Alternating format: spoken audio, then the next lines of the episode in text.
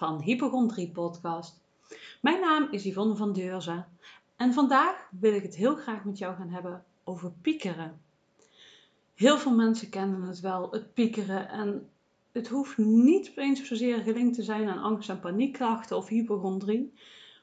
Maar het is wel zo dat, dat de ene mens meer vatbaar is voor piekeren dan andere. De ene kan makkelijker loslaten dan een ander. En ja, dat kan af en toe best wel eens heel vervelend zijn als je heel gewend bent om in je hoofd te zitten malen en die maalstroom maar door blijft gaan. Hè? Dat gebeurt dus eigenlijk ook wanneer dat je last hebt van hypochondrie. Hè? Je gaat in het wat als, uh, dadelijk gebeurt er dit, daar ga ik dood, oh help, ik heb hulp nodig. Hè? Je gaat zo in die maalstroom van je gedachten zitten en daarnaast ga je ook nog even ervan uit dat het waar is want daar zit natuurlijk ook een hele grote clue. Daar heel veel mensen denken dat het waar is wat je denkt. of ehm, ook wel dat uh, magisch denken. Zo ja, maar als ik daaraan denk, dan kan het misschien wel eens gebeuren. Maar zo werkt het natuurlijk niet. En heel veel van wat we denken is niet waar. En vaak maak je hele heftige scenario's, uh, terwijl de werkelijkheid eigenlijk altijd wel meevalt en dat het wel goed komt hè, eigenlijk altijd komt het wel goed. En dan ben je jezelf heel erg druk aan het maken om iets wat zou kunnen gebeuren, terwijl het haast niet gebeurt. En het is iets in je onderbewustzijn, het zit in jouw systeem. Hè? Begrijp me goed, het is niet met een oordeel of wat dan ook. je, ja, weet je, het is iets wat je jezelf ooit aangeleerd hebt, omdat het jou ooit ergens mee heeft geholpen. Hè? Ehm, want weet je wat het is? Wanneer jouw systeem in een ehm, gevaarlijke situatie zit, of in ieder geval waarvan denkt dat het een gevaarlijke situatie is, wordt het alert, gaat het heel erg denken, ja maar wat als dit gebeurt, wat kan ik dan doen? Wat als dat gebeurt, wat kan ik dan doen? Uh, noem maar op. Hè? Jouw brein wil dan heel snel weten van, oh ja, nou dit is aan de hand, dat en dat en dat en dat kan gebeuren. En dat is heel erg helpend natuurlijk. Maar het is niet helpend wanneer het constant aangaat en ook aangaat op momenten dat het niet nodig is. Kijk, en we hebben ook nog onze oerbrein, ons instinctief brein. Die weet wel wat het moet doen als, het, ehm, als er echt iets gebeurt. Hè? Dat, je, uh, dat er een auto plotseling uh, remt en je let even niet op en je ziet ineens, oh, hij remt. En een instinctief druk je kaart die remmen. Dat gebeurt allemaal automatisch. En ons brein, ons ego, ons hoofd wil heel graag die controle hebben. En ja, het is ook heel goed om je gedachten uh, erbij te houden, om het zo maar te zeggen. Je moet ook niet zeggen van ja, maar ik mag niet meer denken en dat is niet goed. Nee, het is wel goed als je maar weet dat je het op de juiste manier gebruikt, zeg maar. Wat ik al een beetje zei met dat piekeren en die scenario's. Uh, soms kan het heel helpend zijn van, oh je hebt ergens uh, een probleem en je hebt drie of vier opties bedacht. Van hé, hey, oké, ik heb drie, vier opties. Nou, welke voelt en is voor nu het beste? En daarna kun je ook weer loslaten. Dus in die opzicht, in dat opzicht, kan het heel erg helpend zijn. Maar dit gaat dus ook automatisch op wanneer je angst ervaart, wanneer dat jij lichamelijke pijn ervaart, wanneer dat je um, ja, je duizje voelt of een, een of andere andere sensatie of je ziet iets op je lichaam. Meteen gaat dat brein aan van oh wat nou als en oh nee dat is niet goed en hè, dat gaat automatisch aan. En daar zit ook nog eens bij, wat ik al zei. Op een of andere manier denken we dat alles wat we denken waar is. Maar zo is het niet. We hebben, ja, ik weet echt niet hoeveel gedachten dat we op een dag hebben, maar het zijn er ontzettend veel. En de meeste die vallen je niet op. Maar er zijn er een enkele waar dus eigenlijk die trigger op zit, waarop je alert wordt. En dat kan dus inderdaad eerst het gevoel zijn dat je een lichamelijke sensatie, sensatie ervaart, maar het kan ook eerst een gedachte zijn ik had bijvoorbeeld heel erg van, ik ben moe. Was bij mij, oh, ik voelde bijvoorbeeld lichamelijk wat vermoeidheid. Of, en dan ging mijn gedachte wel, ik ben moe. En oh, daar ging mijn riedeltje alweer. En iedereen heeft daarin unieke triggers. Dat hoeft echt niet bij iedereen hetzelfde te zijn. Er kunnen wel wat overlappingen zitten, maar iedereen gaat net een ander stukje aan. Maar wat dus inderdaad die key is, van hé, hey, ik voel het nu. Kijk, maar ook hè, ik had net die trigger van ik ben moe. Nee, ik voel me moe. Maar wat er bij mij gebeurde, was dat er angst was. Ik had ook anders kunnen handelen. Oké, ik ben moe, ik mag even wat rustiger aandoen. Of wat heb ik nu nodig? Nee, maar ik ben moe, het gaat niet goed. Uh, dadelijk gebeurt er iets, want ik heb geen energie. Uh, snap je wat ik daarmee wil zeggen? Het is net welke kant dat je daarin op, opgaat. Kijk, en dat ik ben moe, dat is... Um, nou ja, sowieso maak ik mijn identiteit mee omdat ik zeg ik ben. In plaats van ik voel me moe. Maar ook van ja, hey, dat je dat voelt, oké. Maar wat daarna komt, ja, dat is dat riedeltje wat afgaat en waar jij van denkt van dat is waar. als ik dan weer even terug ga van ik ben moe, oh dadelijk gebeurt er iets, het is niet goed, ik heb geen energie, uh, dadelijk kan mijn lichaam het niet aan, ik noem maar even wat dingetjes. Dan ga je in die angstspiraal. Maar is dat waar? Want je kunt veel meer aan wat je denkt. Maar het is ook veel helpender om te denken van... hé, hey, oké, ik voel dat ik nu moe ben. Wat heb ik nodig om weer ehm, op te laden? Want dat vergat ik dan. Want nee, ik was bang en dadelijk gaat het mis. Maar ik vergat van, oh ja, maar als ik mijn rust neem... dan laat ik weer op. Wat heb ik nodig?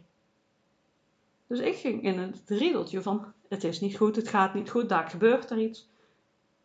En is dat waar? is het überhaupt waar wat je, wat je op dat moment denkt? En hoe weet je dan dat het waar is? Als je al zegt van ja, maar dat, ja, dat is waar, want ja, dat kan gebeuren. Ja, ik bedoel, dan weer een voorbeeld van, ik ben mooi, ja, weet je, als ik door blijf gaan en maar door blijf gaan en niet naar mijn lichaam luister, ja, dan kunnen er inderdaad dingen gebeuren. Maar ten eerste, hoe groot is die kans? Ten tweede, vaak doet je systeem dan toch wel ehm, ervoor zorgen dat je meer rust kan nemen. Maar je moet er natuurlijk ook wel naar luisteren. Hè? Even in mijn voorbeeld, hè? maar het is sowieso wel, is het waar? Want echt heel vaak is wat we denken niet waar. Heel vaak heb je iets in je hoofd zitten en denk je van, dadelijk is het kanker. Ja, is het waar? Ja, dan denk je van, ja, het zou zomaar kunnen, want uh, heeft ook kanker. Ja, dat klopt. Maar eerst weet je zeker dat het waar is. Hè? Want je weet het niet zeker. En hoe groot is die kans dan dat het waar is? Het kan ook iets zijn wat veel uh, minder ernstig is. Of misschien wel um, dat je lichaam gewoon even symptomen heeft. Want je lichaam die doet af en toe inderdaad wel een schokje geven of noem maar op. Dat kan allemaal. Kijk, dus Heel vaak is het van ik voel een lichamelijke sensatie. En dan ga, reageer je op, maar is dat stukje waar? Want echt heel vaak is het, zoals ik in een andere podcast ook al heb uitgelegd, dat ging over die eh, bevolkingsonderzoeken. Daar legde ik in uit eh, met iemand in mijn uh, omgeving. Die moest een onderzoek, darmonderzoek, en die kwam daaruit. En toen ging hij uh, naar de arts en die zei ook van 1% is maar kanker. Dus dat betekent dat 99% iets anders is. Plus daarbij moet ik zeggen, 7% is van een koliek. Dus dan heb je 8% kans dat er iets is, waarvan 7% iets wat makkelijk te verhelpen is, niet ernstig is. 1% is ernstig. Maar dat betekent ook dat je nog 92% over hebt, dat er niks aan de hand is, dat jouw lichaam op dat moment even een wondje had, dat je bloed verliest, ik noem maar iets. Hè. En zo werkt het heel vaak in heel veel situaties. Hè, je gaat uit van dat ene procent, terwijl dat er dus ook nog heel veel procent kans is dat er niks aan de hand is. Maar zoals ik al zeg, dit gebeurt onbewust. Dit gebeurt in jouw onderbewustzijn. Je hebt jezelf dat patroon aangeleerd. Je hebt, ergens wil je een bepaalde grip, een bepaalde controle hebben. Wat dus ook onbewust gebeurt. Om uh, ja, een vorm van uh, veiligheid te ervaren hè, een bepaalde controle en grip te hebben op je leven. En voor jouw uh, systeem is dat een gevoel van controle en grip, omdat het dat op dat moment niet voelt. Kijk, en dan ga je heel erg in je hoofd zitten, ga je heel erg zitten malen, terwijl je ergens misschien wel weet van, oh ja, het is eigenlijk niks aan de hand. Maar toch gebeurt het. Toch ga je toch weer in dat riedeltje en neemt iets in jou aan dat dat waar is wat je op dat moment denkt. En dat hoeft niet alleen te zijn bij angst, want waarschijnlijk herken je het ook naast hypochondrie in andere situaties. Heel veel mensen hebben dat op meerdere vlakken. En niet alleen maar bij de hypochondrie of de angst en paniek, maar dus ook uh, in andere situaties in hun leven, waar heel snel het hoofd het overneemt. Helemaal uh, vaak ook nog eens rampscenario's gaan bedenken, maar in ieder geval heel veel verschillende scenario's gaan bedenken. En dan ook nog ergens denkt van ja, maar dit is waar. Huh? Wat ik nu denk, dat is waar, want ja, dat denk ik. Of hè, ik noem maar iets, ik weet niet wat er dan precies gebeurt, maar iets in jou denkt dan ook nog van, oh ja, maar dat is waar. Of gaat denken van, ja, maar omdat ik dat voel hè, en ik voel onrust, oh het gaat niet goed. En hè, dan ga je helemaal dat riedeltje in. En dan is de kunst om te leren van, oh ja, hoe kom ik weer terug bij mezelf? Hè, hoe zorg ik ervoor dat ik weer grip krijg op mijn systeem? En niet alleen dat het hoofd uh, de macht over het stuur heeft, maar dat jij uh, als geheel weer aan het stuur zit. Ik zeg al een belangrijke vraag van, die je jezelf altijd kunt stellen. Is het waar wat ik denk? En wat soms ook heel helpend kan zijn, is wat is het ergste wat er nu kan gebeuren? Nou, wat is het ergste wat er nu kan gebeuren? Kijk, natuurlijk, als je iets voelt en je bent bang dat je kanker hebt, nou ja, het ergste wat je dan kan gebeuren, is dat je bang bent om dood te gaan. Maar je hebt ook heel veel situaties waar er eigenlijk niet echt iets aan de hand is. En bij deze ook niet, maar uh, hoe moet ik dat zeggen? Um, en eventjes uit. Nou ja, ik pak maar gewoon even het voorbeeld ik gisteren had. Mijn zoontje die, had, uh, die heeft uh, stiekjes tussen zijn tanden moeten laten zetten omdat hij kroontjes gaat krijgen. En stiekje liet een beetje los. Hè? Dan kun je helemaal gaan denken van, oh dat is niet goed. En um, dadelijk laat hij los en dan moet ik weer helemaal terug naar de tandarts. En die zit echt ja, een drie kwartier rijden hier vandaan. En dan moet ik er dadelijk heen. En het is al half vijf, vijf uur. En dan moet ik dat doen. Morgen moet ik weer werken. noem maar op. Hè? Dan kun je in zo'n riedeltje gaan zitten en helemaal gaan bedenken: oh jee, help. Maar is het waar? Ik weet niet of het waar is. Kan van alles zijn. En misschien kun je het zelf ook nog oplossen. En nou, uiteindelijk dan ga je stappen daarin nemen. En dan denk je: oh ja, zie je wel, niks aan de hand. En dat is het vaak. Van, oh ja, zie je wel, niks aan de hand. En die situaties, daar heb ik het nu vooral even over. Maar ook is het heel belangrijk om lichaamsbewust te worden. want wanneer je in je hoofd zit, zit je heel hoog in je energie. Ben je niet verbonden meer met je lichaam. Dus naast is het waar, kan jou wel helpen van, oh, om uit die gedachtenstroom te halen. Maar daarnaast is het ook heel fijn om heel bewust contact te maken met het hier en nu.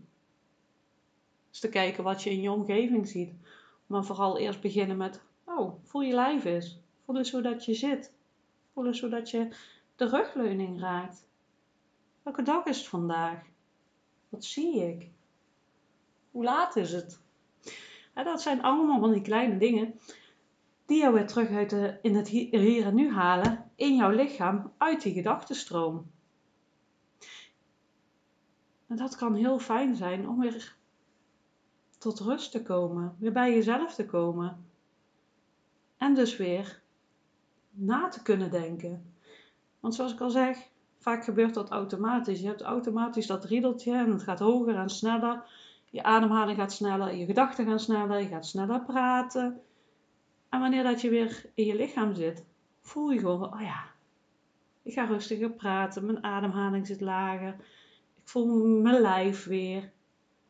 Dat soort dingen. Kijk, en voor sommige mensen kan het heel erg helpend zijn om te schrijven, om dingen op te schrijven, om het van zich af te schrijven. Maar het kan ook heel helpend zijn. Je hebt ook het piekerkwartier. Je kunt kijken of dat het voor je past. Dat je ehm, jezelf iedere dag tijd, een kwartier de tijd gunt, een vaste tijd op de dag, om te piekeren. Nee, alles waar je, um, ja, waar je mee zit, alles waar je ehm, over wil piekeren, zeg maar, hè, onbewust of bewust, dat je dat uh, in dat kwartier mag doen. Dat je echt gaat zitten en in dat kwartier gewoon Ehm, de klok zet en dan in een kwartier heel veel mag piekeren. En dat je de rest van de dag dan dus zegt tegen jezelf, oh nee, nu niet. Ik schrijf het even op en in een kwartier neem ik het mee. Dat kan heel helpend zijn, want weet je wat het is? Het is heel belangrijk dat delen van jezelf er mogen zijn. Dat je af en toe eens mag piekeren. Want als je tegen jezelf gaat zeggen van, oh ik mag dit niet meer en het is niet goed. Jouw systeem is dat gewend, dus wil wel um, dat kunnen doen. Want alles wat je wegduwt, komt veel harder naar je terug. Dus dan ga je nog meer piekeren, wordt die druk nog hoger, ga je nog meer angsten krijgen, nog meer spanning ervaren. Dus kijk voor jezelf ook van, hé, hey, um, wat helpt mij hierin? Maar wat ik heel fijn vind, is om met die gedachten te gaan zitten.